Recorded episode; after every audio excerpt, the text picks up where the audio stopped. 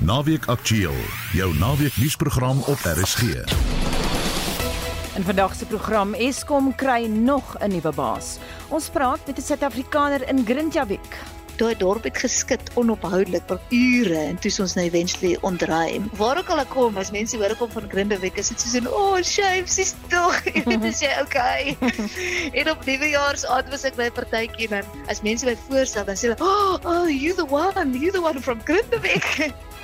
En ons het ook 'n gas vanuit Amsterdam. Baie welkom Wirduk. Dankjewel.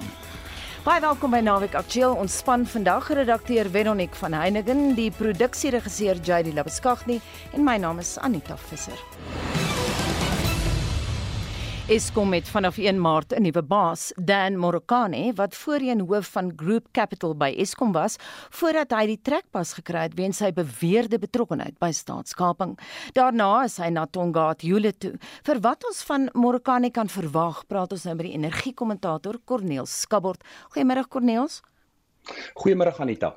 In die eerste plek Morokane, ons weet hy's gekwalifiseerde chemiese ingenieur met 'n MBA. Hy het meer as 20 jaar leierskapservaring. Is dit genoeg om Eskom se pyp te rook? As ons koud klinies net kyk na sy grade, hy het 'n chemiese ingenieursgraad, hy het 'n meestersgraad in petroleumingenieurswese, hy het 'n MBA van die Universiteit van Kaapstad. Met ander woorde, hy het die kwalifikasies by wêreldklas universiteite. So die kundigheid, dit glo ek is daar. Die vraag is en dis die belangrike vraag, tot hoe mate gaan politiek hierso 'n rol speel? Want mense moet ook kyk na die verlede. Ek bedoel Tongaat waar hy tans is, dis ook 'n bietjie in 'n benarde toestand, maar nou kyk ek byvoorbeeld na Andre de Ruyter, die vorige hoofuitvoerende beampte. Voordat hy by Eskom aangesluit het, was hy by Nampak en daai maatskappy het eintlik uit mekaar uitgeval en daar's redes daarvoor. So dit dis moeilik. As mens net klinies daarna kyk, hy het die grade, hy is veronderstel om teoreties dit te kan doen en op die keper beskou behoort iemand soos Marokane 'n beter kwalifikasie te hê en dis wat ek sê en ek verskoon as 'n chemiese ingenieur sal ek dit sê maar dis 'n 'n tegniese probleem wat by Eskom heers en dit moet tegnies opgelos word. So ek glo iemand met daardie kwalifikasie is in staat om dit makliker te kan aanspreek gegee 'n beter begrip van die prosesse. Maar en dit sê ek Anita die vraag gaan wees tot hoe mate gaan politiek hm. dinge in die wiele ry? Jy wil sekerlik nie 'n voorspelling waag nie wil jy? Dis moeilik Anita. Mens kyk maar dinge uit. Ek bedoel daar's verskeie eh, kommentare wat gemaak is maar ons moet weet dis 'n verkiesingsjaar daar's interessante speletjies wat aan die gang is en ons weet hoe belangrik dit is om beurtkrag so laag as moontlik te hou. Die probleem net is en dis wat ek net oorwonder, hoeveel kan Marokane regtig vermag? Ons moet weet dat al addisionele opwekkingsvermoë wat gaan bykom in hierdie jaar is moontlik as dinge besonder goed gaan en ek twyfel dit gaan gebeur is die laaste eenheid van Kusile en ek dink dis eerder voorsien vir volgende jaar. So dit beteken eenheid 5 se 700 plus megawatt en eenheid 6 se 700 plus megawatt en die een eenheid van Kuiberg. Dit beteken as ons dit alles bymekaar sit, daar's 2 tot 2 en 'n half fases beurtkrag wat éventueel oor die volgende jaar en 'n half deur opwekking uitgeskakel kan word. So met ander woorde dan dan behoort ons nie meer so baie beurtkrag te hê nie, maar bo dit sien ek nie regtig enige verandering wat gaan plaasvind aan die opwekkingskant nie. En dan moet ons ook weet die aanlegte bly ouer en ouer en ouer word. Daar word intense instandhouding gedoen, dit weet ons, maar ons sien dat selfs die instandhouding wat gedoen word, is in sommige gevalle nie voldoende nie, want van hierdie aan, aanlegte is bloot net te oud. En dis hoekom ek is versigtig. Mens moet weet elektrisiteitsvoorsiening, daar's opwekking aan die Eskom kant, maar die totale voorsiening van elektrisiteit val nie net onder Eskom nie. Dit val onder Kwerimantashe se portefeulje. En daar's waar die probleme is, want daar's baie min addisionele opwekkingsvermoë wat aanlyn gaan kom aan die res van Suid-Afrika vanuit die staat se kant af. Private se 'n ander storie en dit is waar die probleem lê. Baie dankie en so sê die energiekommentator Corneels Skabort. Die Demokratiese Alliansie sê die ware matriekslaagsyfer is 55,3%, is 'n verbetering op verlede jaar se 54,6%. Die party sê hy verskil van die Departement van Basiese Onderwys se slaagsyfer van 82,9%.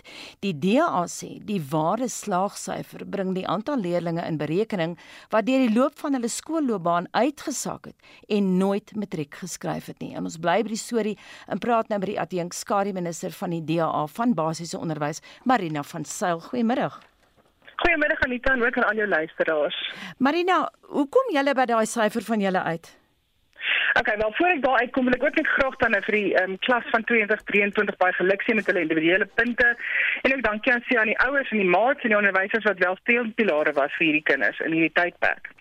Dan om terug te kom daarna, dink die minister en haar span in die departement onder die ANC regering het oogklappe en rooskreurige brille aan wat die prentjie teken van 'n slaagsyfer wat net nie die waarheid reflekteer nie. As ons kyk na die leerders wat op die register was van die groep wat in 2021 graad 10 was, was daar net so oor 1 miljoen leerders in die register. Nou as ons dit vergelyk met die kinders wat in 2023 die nasionale eksamen geskryf het wat so amper 700 000 kinders was, dan kan mens dadelik 'n sommetjie maak wat uitwys dat ons 345 000 leerders verloor het tussen graad 10 en graad 12. Nou hierdie is kinders wat uitgesak het of soos die Engels as dit bekend staan as dropouts. Nou die groep maak dan 'n totaal van 33.3% uit. Die minister se 82.9 slaagsyfer wanneer jy die 33.3 dropout leerders in ag neem, is dan eintlik slegs 53 of 55.3%. En dan net vir 'n interessante stukkie inligting uh, ter afsluiting, die Universiteit in Suid-Afrika se berekeninge vir die slaagsyfer na diploma of 'n graadkursus werk presies soos die DA die regte matriekslaagsyfer uitwerk. Dit bring die dropouts in berekening. Nou die departement van basiese onderwys moet dalk ophou om die kwantiteit van leerders bo kwaliteit te stel en eerder eerlik wees en dit ook so bereken om die ware matriekslaagsyfer te wys. Nou ons praat nou oor slaagsyfers en persentasies. Watter punt uit 10 gee die DA vir minister Angie Motshega? Ons weet julle is op rekord dat sy is altyd vol verskonings, verskuiving van spertye, bla bla bla. Mm, mm. Ek dink definitief vir ek sal 3 uit 10 gee. Sy verdien absoluut niks meer nie. As ons kyk na die feit voor hierdie jaar of voor laas jaar dat 81% van graad 4 kinders nie kan lees vir betekenis nie, dat daar 'n uitsak van 345 000 kinders is van graad 10 tot graad 12, ehm um, die klaskamers wat oorvol is, die amper 400 4000 skole wat nog bestaan met pittoilette en daar het soveel kinders al dood is in hierdie strukture. Skole wat nog asbestos infrastruktuur het, asook skole wat absoluut uitmekaar uitval dan verdien sy regtig niks meer as 'n 3 uit 10 nie. Ek dink 'n graad F is gepas. Dan laastens en kortliks asseblief, wat is julle reaksie op premier Panjasa Lesofie se voorstel mm, mm. dat matrikulante in openbare en privaat skole landwyd dieselfde eksamen moet skryf? Wel, as die DEA sal ons baie graag filosofie sê dat daar nie ingemeng word met skole wat goed presteer nie. Jaar na jaar kry die matriekleerders wat privaat skole is, asook die wat tuisonderrig ontvang, um, baie goeie punte terwyl die publieke skole nie sulke goeie uitslae kry nie. Nou hierdie retoriek van Lesofie het natuurlik hand aan hand met die ANC se goeie rekord van kom ons breek alles wat werk, net om hulle self te laat beter lyk. So nee, Lesofie se stelling dra geen water nie. Die ANC moet ophou om goed te breek wat werk. Ek dink sommer nou aan die Engelse stelling, if it ain't broke, don't fix it. Jy weet dan nie dat politiek bepaal al van jou daaglikse lewe, van die paaie waarop jy ry tot die tipe geneeskunde wat jy ontvang. En goeie basiese onderrig is seker een van die belangrikste. So dis definitief in almal se belang om ook seker te maak dat jy reg geregistreer is om vir die DA te kan stem in hierdie jaar se verkiesing. Dit dan Marina van Sail, skadu minister, ja, jy het reg gery vir die DA van basiese onderwys. Dis nou 12:13. My naam is Anita Visser en jy luister na Naweek Aktueel. Soos ons vroeër gesê het, ons het vandag 'n gas uit Amsterdam.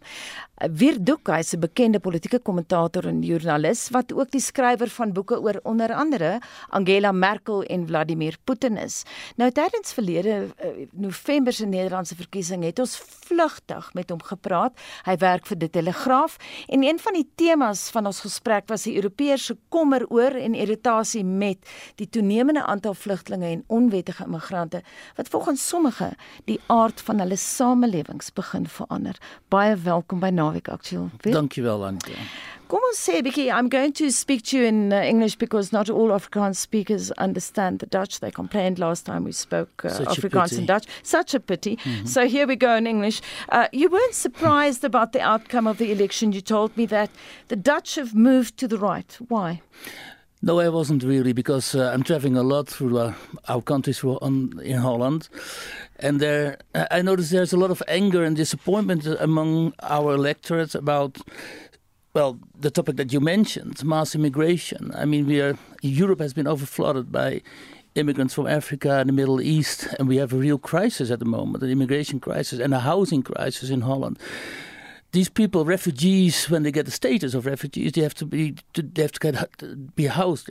They, they need houses, and um, there's a lot of there's a lack of houses because there's a problem with building houses at the moment, and you know a lot of people, a lot of voters, are told me that. Um, our children cannot get housing because of the immigrants.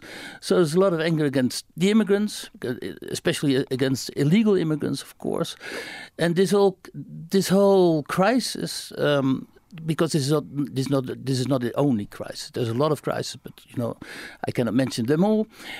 This contributed to the uh, election victory of Geert Wilders, which is for many people was a big surprise because he is he's considered by especially by you know left wing commentators or liberal commentators as as an extremist, right wing extremist, which which he is not, in my opinion. But a lot of people look at him, see him like this, and. Um, now we are in a situation where perhaps Geert Wilders, surprisingly, will be the Prime Minister of the Netherlands. Why do you say he's not extreme?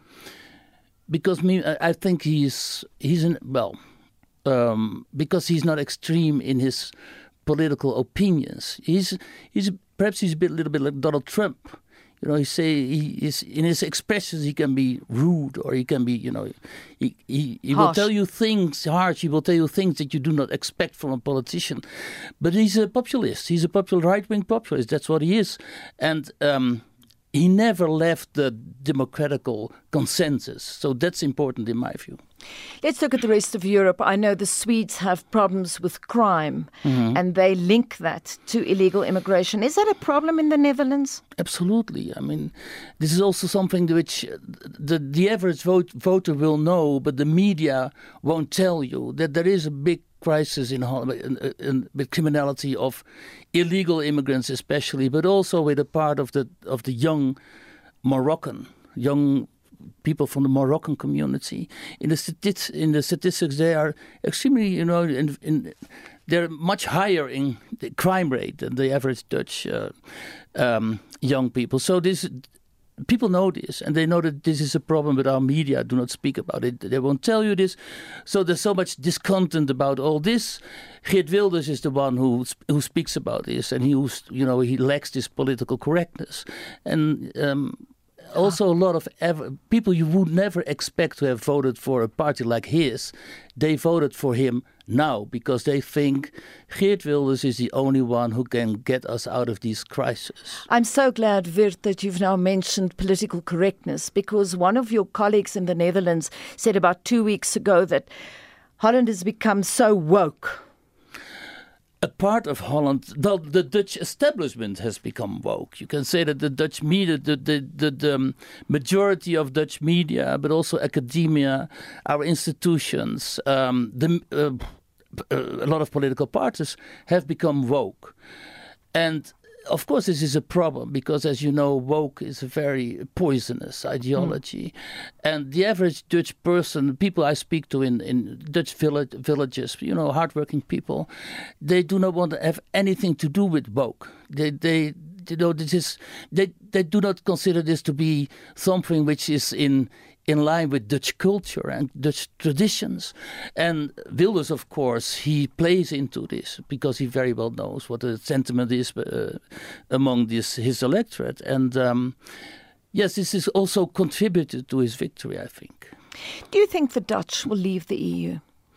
No, I don't think so because um, the big majority of the Dutch still think that the EU that we profit a lot from the EU. Um, me myself, I think the EU has become such a problem that I would uh, prefer an exit, but I'm a, I'm a, a small minority, and um, uh, you know the Dutch they are traders and they think uh, about making profits and earning money, and the EU they think they still think that the EU brings them a lot of, um, let's say, a lot of money.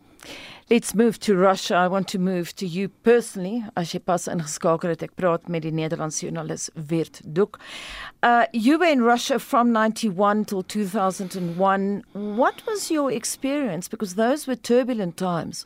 Oh, those were times of uh, trouble, of course. I I experienced um, the um, the complete decay of Russian of the Russian state and, and so there was there was no you could not talk about a, a, functioning state anymore because perhaps a little bit like here in South Africa at the moment, sorry, but much worse, of course. I mean, I went to so many wars. I was in the Caucasus uh, at the Chechen wars. I was in Armenia. I was the whole the whole concept of the former Soviet Union was collapsing, and Russia had to find a new idea about what is Russia actually, what what, what are Russian traditions, who are we, you know. And um, I also I I experienced. Um, the the problems the Russians had with the idea that, for instance, Ukraine or Armenia or Moldova, or all the former republics were not part of Russia anymore. They considered those republics, of course, to be part of Russia.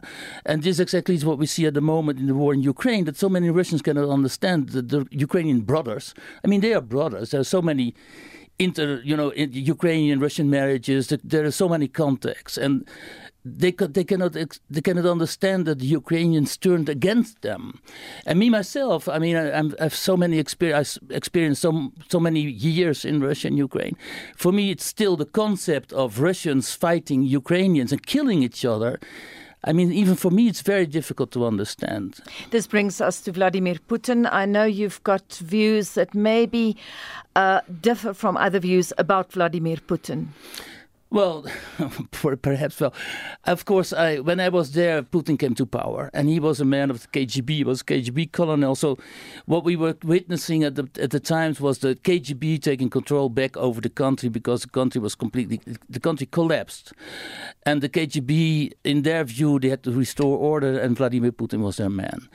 Vladimir Putin also said at the time that the collapse of the former of the Soviet Union was the biggest uh, uh, uh, catastrophe for him yes. in the last century. Geopolitical catastrophe of the century, right? Yes, probably even worse than, than the Holocaust. So it's diff- difficult to understand, but in his eyes, this is what it is. Then he came to power, and he had um, he um, in his speeches, in his international speeches, he always mentioned the fact that he, him, the, that Russia insists on their geopolitical uh, interests, right, in the former Soviet republics, also in Ukraine. And he warned the West. He warned the West. He told the West, okay, don't interfere in our interests, like we do not interfere in in yours. There's a there's a multipolar uh, a polar world, not a unipolar world. So it was absolutely clear for to me, and I think to all the Western, um, you know, commentators, that um, he was not accepting the West and NATO interfering in the former Soviet republics, even if those republics were free and sovereign countries, and of course have the right to make their own choices, like Ukraine had the right, you know, to turn to the West. Mm. But I think either we didn't understand what Putin was saying, or we just ignored what he was saying, and all of this led to the catastrophe, the war that we are now witnessing in Ukraine. Do you think the West could have played it differently? I think if the West would have followed more like the, the German model, I think that we, we did could have turned out like without a without this war, but I'm not sure about it. But I, I, I always thought this would have been possible to to to solve this problem um, uh, peacefully. But of course, many people think differently. Differently, and many people think that Putin was out. We, you know, he always wanted this war, but I do not think he wanted this war. I think he feels himself forced to invade the east of Ukraine. One last question: How is it going to play out? I think we, uh, Ukraine is going to lose this war, and uh, they and there will be peace um, only if Ukraine will accept that they will lose Crimea and part of the Donbass. Ja, daar het jy iets om oor te dink. Dit aan die uh, Nederlandse joernalis Wirt Doek. Hy is 'n politieke kommentator en hy skryf ook vir verskeie koerante waaronder Die Telegraaf. Suid-Afrika se span by die internasionale geregshof in Den Haag behoort 'n Nobelvreesprys te kry vir hulle durf om Israel voorstok te kry oor beweerde volksmoord, soos het die president van Kolumbia, Gustavo Petro Rego. Intussen het die einste hofsaak ook in Suid-Afrika 'n naderdraai waar Galeb Kachalia as DALP uit die party bedank het weens verskille met die leierskap oor die oorlog in die besette Gaza. Vir meer konteks hieroor praat ons nou met Roland Henwood van die Universiteit van Pretoria se departement politieke wetenskap. Goeiemiddag. Goeiemôre Alinda. Kolumbie is nie die enigste Latyns-Amerikaanse land wat Pretoria steun nie. Trouwens meeste lande in die streek voel dieselfde. Hoeveel gewig dra Kolumbie se mening? Dit dra waarskynlik net soveel gewig soos enige ander staat. Ek dink 'n mens moet Kolumbie verstaan Dis 'n staat wat baie vergelykbaar is met Suid-Afrika in terme van sy strukture, die profiel van die staat is 'n middelinkomste staat, ook een wat sukkel met groot vlakke van armoede, alhoewel nie so erg soos die van Suid-Afrika nie. En tradisioneel baie sterk bande met die FSA, maar daar's twee veranderinge. Die FSA wat deur die nuwe president gesien word as 'n bietjie van 'n boelie en veral die laaste die termyn van Donald Trump waar daar baie spanning was en hy dieselfde tipe uitlatings en seker optrede teen Kolumbia geloods wat hulle vervreem het. En sedertdien probeer Kolumbia baie hard om her te posisioneer om nader aan BRICS te beweeg veral, maar ook nader aan Afrika en Asiatiese lande. En dit beteken dat hierdie tipe standpunt nogal belangrik raak. Dis ook 'n staat met ehm um, histories baie sterk bande met Israel, maar ook die Palestynë en wat 'n Palestynse staat erken. Mm. En dan miskien die ander punt is dat die president self kom uit wat beskou was as 'n terroriste organisasie wat met die groot vredesproses in Kolumbia die wapens neergelê het en deel van die demokratiese proses geword het. Roland, as jy 'n bietjie korter kan antwoord, ek het baie vrae. Die joernalis Nosmond Kedamossi van Foreign Policy the Global Magazine skryf die week dat die suidelike halfrond en sy verwys na the Global South Pretoria se saak in die regshof toenemend steun. Time Magazine skryf op dieselfde trant dat Israel se steun wêreldwyd met gemiddeld 18% gedaal het weens die gebeure in Gaza. Wat is jou mening? Ongetwyfeld dat Israel is besig om baie steun te verloor as gevolg van die persepsies en die gevolge van sy optrede. En dan dink ek die um, eerste minister natuurlik doen Israel geen guns met die uitsprake wat hy die afgelope week gemaak het nie. En daar's baie vrae wat gevra word oor hoe hy dit hanteer en wat die impak daarvan op Israel is. Wat die Suid-Afrikaanse politiek betref, wat dink jy van Kachalia se bedanking? Ek dink dis maar nog 'n aanduiding van hoe verdelend die persepsies is en die gevolge is van die konflik tussen Israel en in Gaza en dat dit ook in Suid-Afrika uitspeel. En en hierdie is maar een voorbeeld van hoe daardie verdeling besig is om deur te werk. Ehm um, 'n verlies vir die DA, maar ek dink tekenend van die tye waarin ons leef. Daar is Suid-Afrikaners wat bekommerd is oor eh, die DA se steun aan Israel. Hoe voel jy daaroor? Uh dit hang af. Ek dink die party probeer baie hard om 'n posisie te beklee waar niemand spesifiek vervreem word nie. Ons moet ook onthou dat indien die DA anti-Israel standpunt inneem, gaan hy waarskynlik net soveel steun verloor. So dis 'n baie moeilike posisie vir die DA. Ehm um, baie moeiliker as vir die ANC wat 'n baie ehm um, meer duidelike en eintlik 'n eensidedige posisie inneem. Die DA kan dit gewoon nie doen nie. Nou daar's ook ontleeders wat glo dat Al-Jamaa gaan baat by die DA se anti-Palestynse houding. Kaapstad se burgemeester Jordan Hill Lewis was onlangs in die spervuur nadat graffite, graffiti liewer van die Palestynse vlag op 'n muur in Lavender Hill deur die metroraad toegeverf is. Gaan hierdie soort daad punte tel by die stembus? Dit kan in sekere kringe punte tel, maar weer eens, dit kan ook punte tel na die ander kant toe. Ek dink die spesifieke konteks wat hierna verwys word volgens die verklaring van die loos is dat daar klagtes ontvang is daarom dat daar opgetree is en toe is daar toestemming gevra en die vlag kon weer geverf word. So weer eens moet 'n mens pas op hoe jy dit gaan aanbied en hoe jy dit gaan interpreteer. Ons moet ook onthou dat buitelandse beleid is nie noodwendig 'n uh, belangrike punt in Suid-Afrikaanse nasionale verkiesings nie. Die twee leiers wat dit belangrike beleidsissues gemaak het, um, Smits en Bekkie het 'n baie duur prys betaal by die stembus. So ek sou nie te vinnig dit inlees in wat gebeur in plaaslike verkiesings nie. Ehm um, want daar's baie ander kwessies en daar's baie ander partye wat ook besig is om te kompeteer. Ehm um, byvoorbeeld in die Wes-Kaap definitief die Patriotic Alliance wat besig is om 'n faktor te word wat 'n totaal ander ingesteldheid het teenoor hierdie saak as die ander partye en die ANC. Baie dankie dit aan die ontleder Roland Henwood van die Universiteit van Pretoria se departement politieke wetenskap. Dis half 1 en ons sluit nou aan by Jody Hendriks vir die jongste sportnuus. Goeiemiddag. Ek begin die verslag met nuus uit Toronto, Kanada waar Suid-Afrika se Driekus Du Plessis besig is met voorbereiding vir sy belangrike wêreldtitelgeveg teen Sean Strickland wat om 5:00 Suid-Afrikaanse tyd môreoggend plaasvind. Nou indien Du Plessis in uh, die kragmeting sou seëvier, sal hy Suid-Afrika se eerste wêreldkampioen in die sportsoort word en van RC Sport se kant af wens ons hom alles van die beste toe.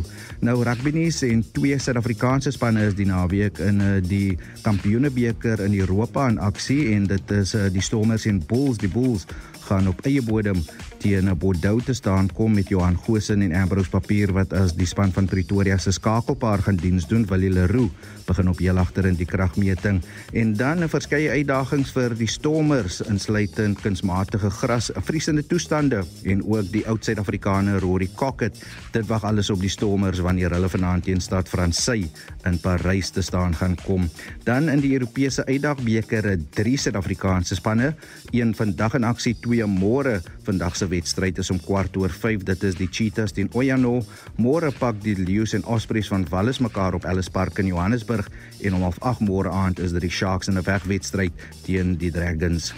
Motorsport en Carlos Sainz het Vrydag nie net sy 4de Dakar veldtydren in Saudi-Arabië in die wêreld se moeilikste motorbeeenkoms gewen nie, maar is ook nou amptelik die oudste jaar hy het dit op 61 jarige ouderdom reg gekry om eh, die Dakar tydren te wen. Cricketnuus in die SA20 toernooi is daar vandag twee wedstryde. Om 0.2 speel die Durban Super Giants tuis op Kingsmead teen die verdedigende kampioen die Sunrisers Eastern Cape en om 0.6 is dit die Gauteng Derby tussen die Joburg Super Kings en die Pretoria Capitals op die Wanderers. Gister het die Paul Royals al eerste nederlaag van die toernooi gelei toe hulle met 8 paaltjies teen MI Cape Town op Nieuweland verloor het en dan laastens golfnuus ronde 3 by die Dubai Desert Classic wat aan die gang is en Lali Stander hou al die aksie daar vir ons top. Lali, goeiemiddag. Middag luisteraars en Jody van nog 'n lieflike dag. Lekker sonnige dag by Tabrisi wat begin stoot hier by die Emirates Golfklub. Dit is die derde ronde van die tweede toernooi op die DP Wêreldreeks se internasionale swaai met 9 miljoen prysgeld op die spel. El. Die Amerikaner Cameron Young was een van die vier gesamentlike voorstel voorlopers donderdag na die eerste ronde en het homself Vrydag na die boonste sportjie van die taalbord geloods met 'n uitmuntende 64 by die Marcellus baan. Die Amerikaner het so 90 minute gelede afgeslaan met 'n 3 houe voorsprong op 13 houe beter as baansyfer en onmiddellik afgeskop met 'n volkie op die syfer 4 eerste. Maar die man wat almal al van vroegoggend aan die gons het, is die verdedigende kampioen Rory McIlroy. Die Noorduur was redelik laag op die tellbord na rondes van 71 en 70, maar hy het vanoggend opgedaag met 'n wit warm setstok. Hy het 5 volkies ingeryg in sy uitwaartse 9 en en 'n vierde agtereenvolgende voeltjie op die syfer 15de gemaak. Nog eenetjie op die syfer 513de het hom na 10 houe beter as baansyfer geskuif. Young het 'n dubbele brouhou op die kort sewende begaan en net so hy die uh, brouhoue begaan het het McElroy sy Arends het op die syfer 5 uh, 18de in, in die blikkie gerol. So albei spelers is tans aan die voortou op 12 houe beter as baansyfer. Maar die Yank het daarom 'n redelik baie pypies wat oorbly. Nie veel beweging onder die sewe Suid-Afrikaners wat die naweek gehaal het nie. En die Du Plessis is 4 houe beter as baansyfer. Louis die Jager en uh Zander Lombard is albei op 2 houe beter as baansyfer en Dylan Fratelli en MJ Dafu is 1 hou beter as baansyfer na rondes van 71 en 73. Lali Stander vir RSG Sport.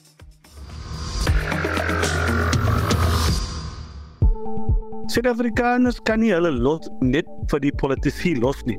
Daar's twee groot uitdagings in Suid-Afrika. Dit is om jong mense te motiveer om te registreer en betrokke te raak, en die tweede een is om mense wat geregistreer is te kry om te gaan stem. Kommentaar elke Sondag aand tussen 8 en 9 op RSG. IJsland het sedert November verlede jaar se aardbewings en die afgelope tyd se vulkaniese uitbarstings in die nuus. 'n Suid-Afrikaanse vrou wat in Grindavik gewoon en werk het, het Maandag vanuit Reykjavik met Naweek Aktueel gesels. Mareike Muson is 49 jaar oud en het verlede September IJsland toe getrek op versoek van die IJslanders om 'n akwakultuurbesigheid buite Grindavik te bestuur. Sy hou boonop van avontuur, iets waarvan sy sedert haar aankoms in IJsland sommer baie beleef het. Ek bly nou in Reykjavik want niemand mag in Grindavik bly nie. Die nooddienste en die polisie en civil defence, ek weet nou nie wat dit in Afrikaans nie. Dit werk almal saam om seker te maak dat die area so veilig as moontlik en jy weet niemand word beseer of niemand gaan in nie. Hulle het 'n groot muur om die dorp gebou wat eintlik meeste van die dorp gered het nou met die vorige vulkaan. Daar's aanhoudend mense wat werk, hulle het begin om al die kraters en die krake en die gate te vul in die dorpie self. Natuurlik in November het ons verskriklik baie en groot aardbewings gehad en dis waar die hele storie eintlik begin het. Die eerste nuwe ervaring vir haar as Suid-Afrikaner vanuit 'n betreklik stabiele geografiese deel van die wêreld was November se aardbewing. Daai dorp het geskit onophoudelik vir ure en toe ons nou eventually ontruim. Baie mense het gesê net uh, uh, hulle gaan nie weer terug nie. Veral ook mense met kleiner kindertjies want jy moet nou obviously kyk waar jy stap. Jy weet jy moet wegbly van die gate en jy kan nie in die veld gaan stap nie, moet net op die paaie bly. Maar die regering help waar hulle kan en die Rooikruis organisasie het baie gehelp. Na die eerste ontruiming het hulle sportsale opgesit vir mense wat nêrens anders plek gehad het om heen te gaan nie. En dan sou ook baie IJslanders wat sê o, ons het 'n somerhuis wat iemand kan gebruik of dit baie mense het hulle huise en hulle harte oopgemaak vir die Grinde Vikings. Waar ook al ek kom, as mense hoor ek kom van Grindewek, is dit soos 'n oh, shame, sis tog. Weet as jy okay. en op nuwejaarsaand was ek by 'n partytjie en dan as mense my voorstel, dan sê hulle, "Oh, oh you the one, you the one from Grindewek." so almal probeer maar help waar hulle kan. Sê vir my, is jy getraumatiseerd? Vir my is dit soos in elke dag weet kom aan mens doen maar wat jy kan en ek's baie gefokus op werk. So ek dink net die onsekerheid tot op 'n punt. Jy wil mos nou in die middag huis toe gaan en op die oomblik moet ek dis 'n entjie se ry en die die maklike pad is ook nou toe want lawa het oor dit gevloei. So ek moet 'n groot ompad ry en dis natuurlik winter, so is altyd donker en is sneeu en is ys. Dis my stres. Ek sal nie sê dis trauma nie, maar ek dink die heeltyd vir my is dit eintlik maklik want ek's nog kort hier en ek het nie dis nie my huis van 20 jaar, so ek wil glad nie kla nie. En die aardbewings was 'n woeste ondervinding gewees. So aan die een kant ek dink, "Wow, ek het dit nog nie beleef nie." Maar ek besef nou as iemand iets hard laat val of die deur slaan toe, dan kry jy so skrikkie want dan voel jy skielik so, "O, hier kom dit weer." Hmm. Wat gaan deur die mense kop tydens 'n aardbewing? Val jy heel eers op die vloer, klim jy onder die bed? Wat doen jy? Of as jy so verstaan. Die, die eerste keer toe dit gebeur het, ek gedink, "Wow, sir, wat wat was dit nou?" En toe dit nou al hoe meer gebeur het. Ek weet nie ek skrik gelukkig dalk nie te maklik nie. So in die begin was dit vir my al so 'n bietjie van deel van die avontuur. O, wow, IJsland. Maar op 'n stadium het ek gedink, "O, ek wonder of ek onder die bed moet lê of onder die tafel moet wegkruip want die hele huis skud my. In IJsland bou hulle om dit so 'n bietjie te weerstaan. So die aand voor ons moes ontruim, dit was verskriklik erg. Dit was onophoudelik, so groot teen en dan is dit klomp kleintjies wat so volg. Jy weet jy kan dit voel ek het in die pad gestap en die hele pad beweeg so mense voel eintlik so 'n bietjie dronk as jy probeer stap selfs. En op 'n stadium toe het ek gedink wel ek gaan nou maar die huis stofsuig want goed het van die jy weet van die boekrak afgeval en bietjie tee maak en ek gaan nou maar net wag dat dit oorwaai. En toe eventually toe sê hulle nee ons ons moet nou maar ry. Wat toe sonde gebeur het is eers het daar 'n groot skeur gevorm van omtrent 900 meter lank en die lawe daar uitgevloei. En toe se teen hierdie hierdie muur dis eintlik 'n groot bult wat hulle met groot konstruksie voertuie gemaak het En dit het dit toe gekeer om nie in die dorp in te hardloop nie, maar dit het toe so langs die muur afgehardloop en oor die hoofpad en oor die elektriese aanvoerlyne. Maar toe later die middag, toe daar skeur oopgemaak aan die ander kant van die muur aan die dorp se kant en toe daar lawe gevloei tot binne in 'n woonbuurt en ek dink drie huise. Ek sê die, die lawe het sommer die huise ingesluk, maar drie huise toe afgebrand wat natuurlik baie traumaties is vir jy weet vir almal wat kyk en almal eintlik wat jy weet Grinde Vikings. Mense van Grindewek, daar's baie mense wat al bly daar, is daar gebore. Jy weet so regte Fisherman's Village is 'n vreeslike lieflike dorpie. Vir Marike is behuising nou haar eerste prioriteit. Die regering bied natuurlik hulp aan, maar dis maar moeilik. Jy weet, jy kan nie in jou huis bly nie, so nou moet jy iewers anders bly. Jy moet nog 'n plek huur. Gaan die dorpie weer in die gang kom? Is daar enigstens waarde in die huise? Jy is nou in 'n Reykjavik. Mm. So, hoe het jy woonstel gekry of 'n huis gekry? Wie het jou gehelp? Hoe gaan mens te werk?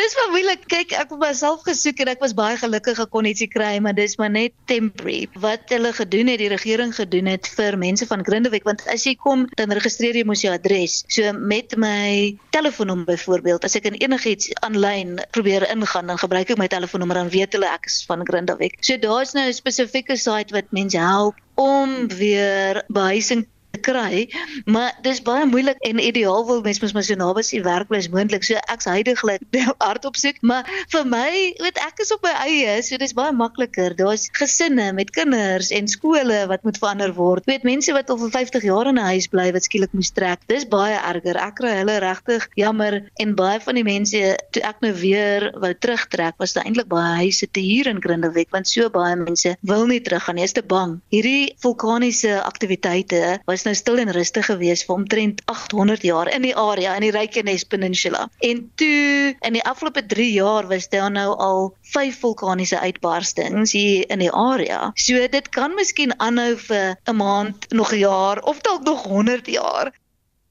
En so sê Marika Muson wat maandag vanuit Reykjavik met ons gepraat het. Dis nou 12:42.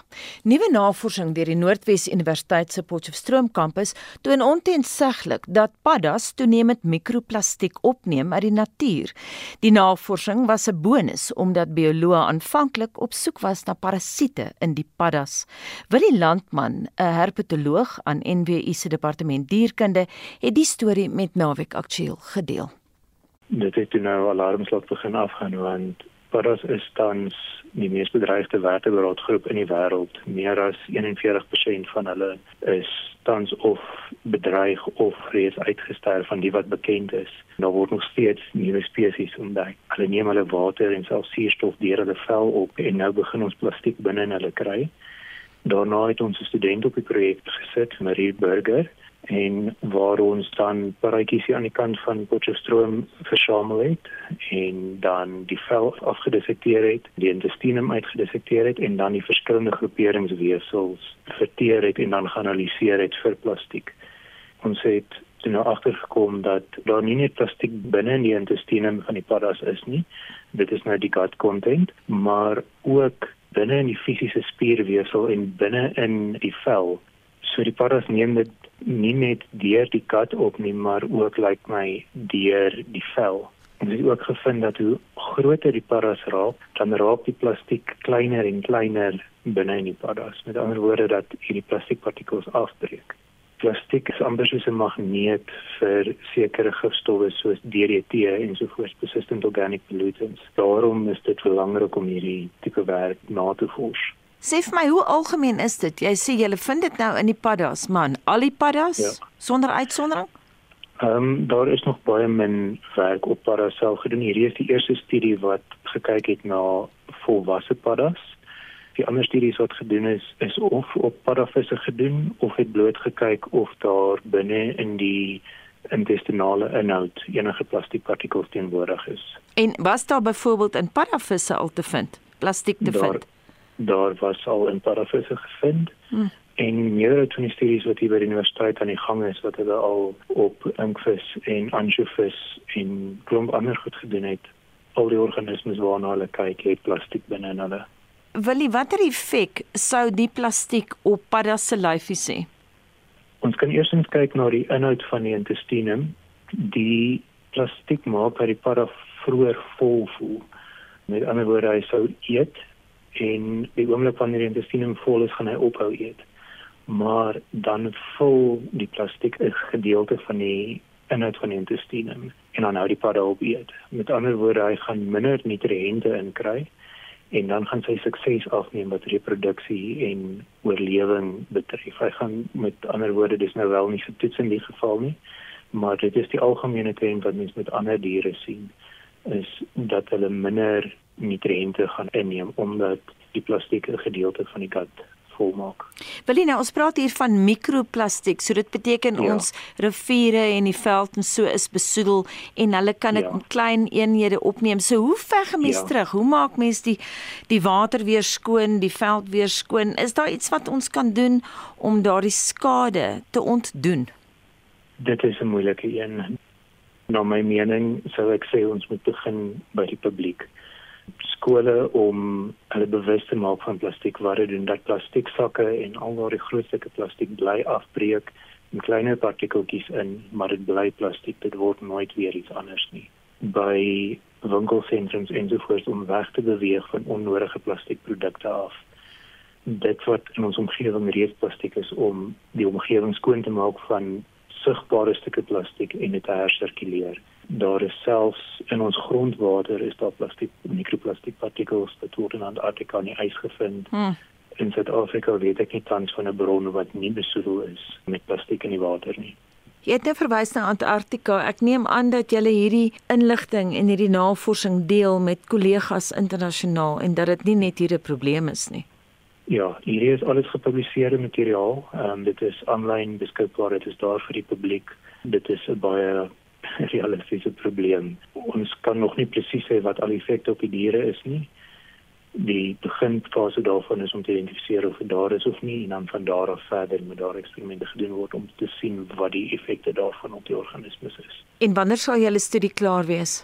Hierdie spesifieke studie oor plastiek in die paddas is Ehm um, ons het net vroeër vandag die proewe vir die artikel teruggekry. So die studie die bewys vir plastiek in paras en binne hulle wesel is word nou gepubliseer. Wat is dan die opvolgnavorsing? Ek is nog onseker daarvan, maar die vraag wat hieruit volg is wat is die effek van die plastiek op die paras? Word enige as daar ons noem dit POPs of persistent organic pollutants gestowwe aan die plastiek geheg is, sou dit vrystel in die wesel van die padda in en dan effek het en die groot vraag op die oomblik is of dit tussen verskillende fases van paddavis na volwasse oorgedra word en dan ook hoeveel van hierdie plastiek word in 'n volgende trofiese vlak oorgedra byvoorbeeld van 'n padda na 'n reier wat die padda eet of 'n vis wat die padda eet om te sien hoe hierdie plastiek deur die voedselketting beweeg. En so sê Willie Landman van die departement dierkunde aan Noordwes Universiteit. Dit is 12:47 en in ons weeklikse motorrubriek bespreek Wessel Pretorius 'n luisteraarsbrief.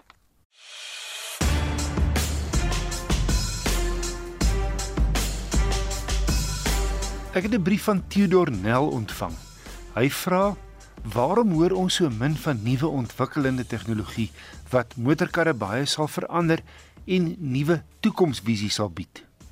En dan noem hy voorbeelde onder meer die sogenaamde E-as. Ek gaan aanklop by Nicolou. Hy's 'n tegniese konsultant en die besigheidsontwikkelingsbestuurder by SVU Gepantserde Voertuie. Wessel die eerste stuk tegnologie wat Theodor dan van praat is Bosch se E-as of in Engels dan nou E-axle.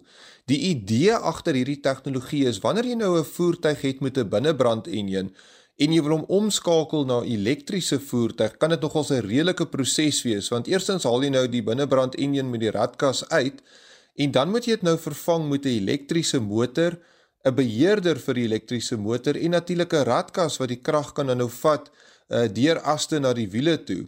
Nou wat Bosch dit vir jou eenvoudig wil maak is hulle wil vir jou hierdie E-as gee wat dan nou al hierdie komponente klaar saam is en dit gaan baie makliker maak om dan die verandering in jou voertuig aan te bring. Dit is natuurlik nie so eenvoudig om hierdie omskakeling te doen nie want onthou daar's heelwat substelsels wat afhanklik is van jou binnebrand enjin in jou voertuig wat dan nou aangepas moet word wanneer hierdie omskakeling gedoen word.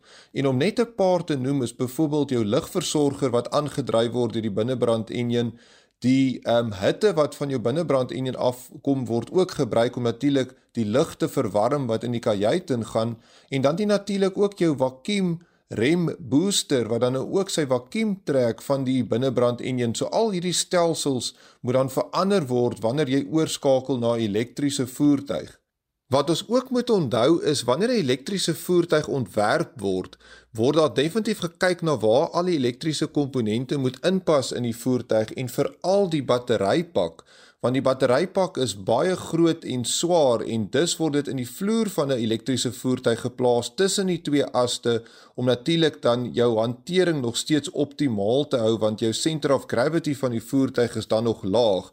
Maar wanneer jy dan die omskakeling op 'n binnebrand enjin voertuig doen, is daar nie daai spasie onder die vloer vir die batterye nie. Dit gaan teen teen in die kattebak moet kom wat dan jou kattebak spasie gaan opvreet en dan ook nie optimaal is van 'n gewigsverspreiding oogpunt af nie.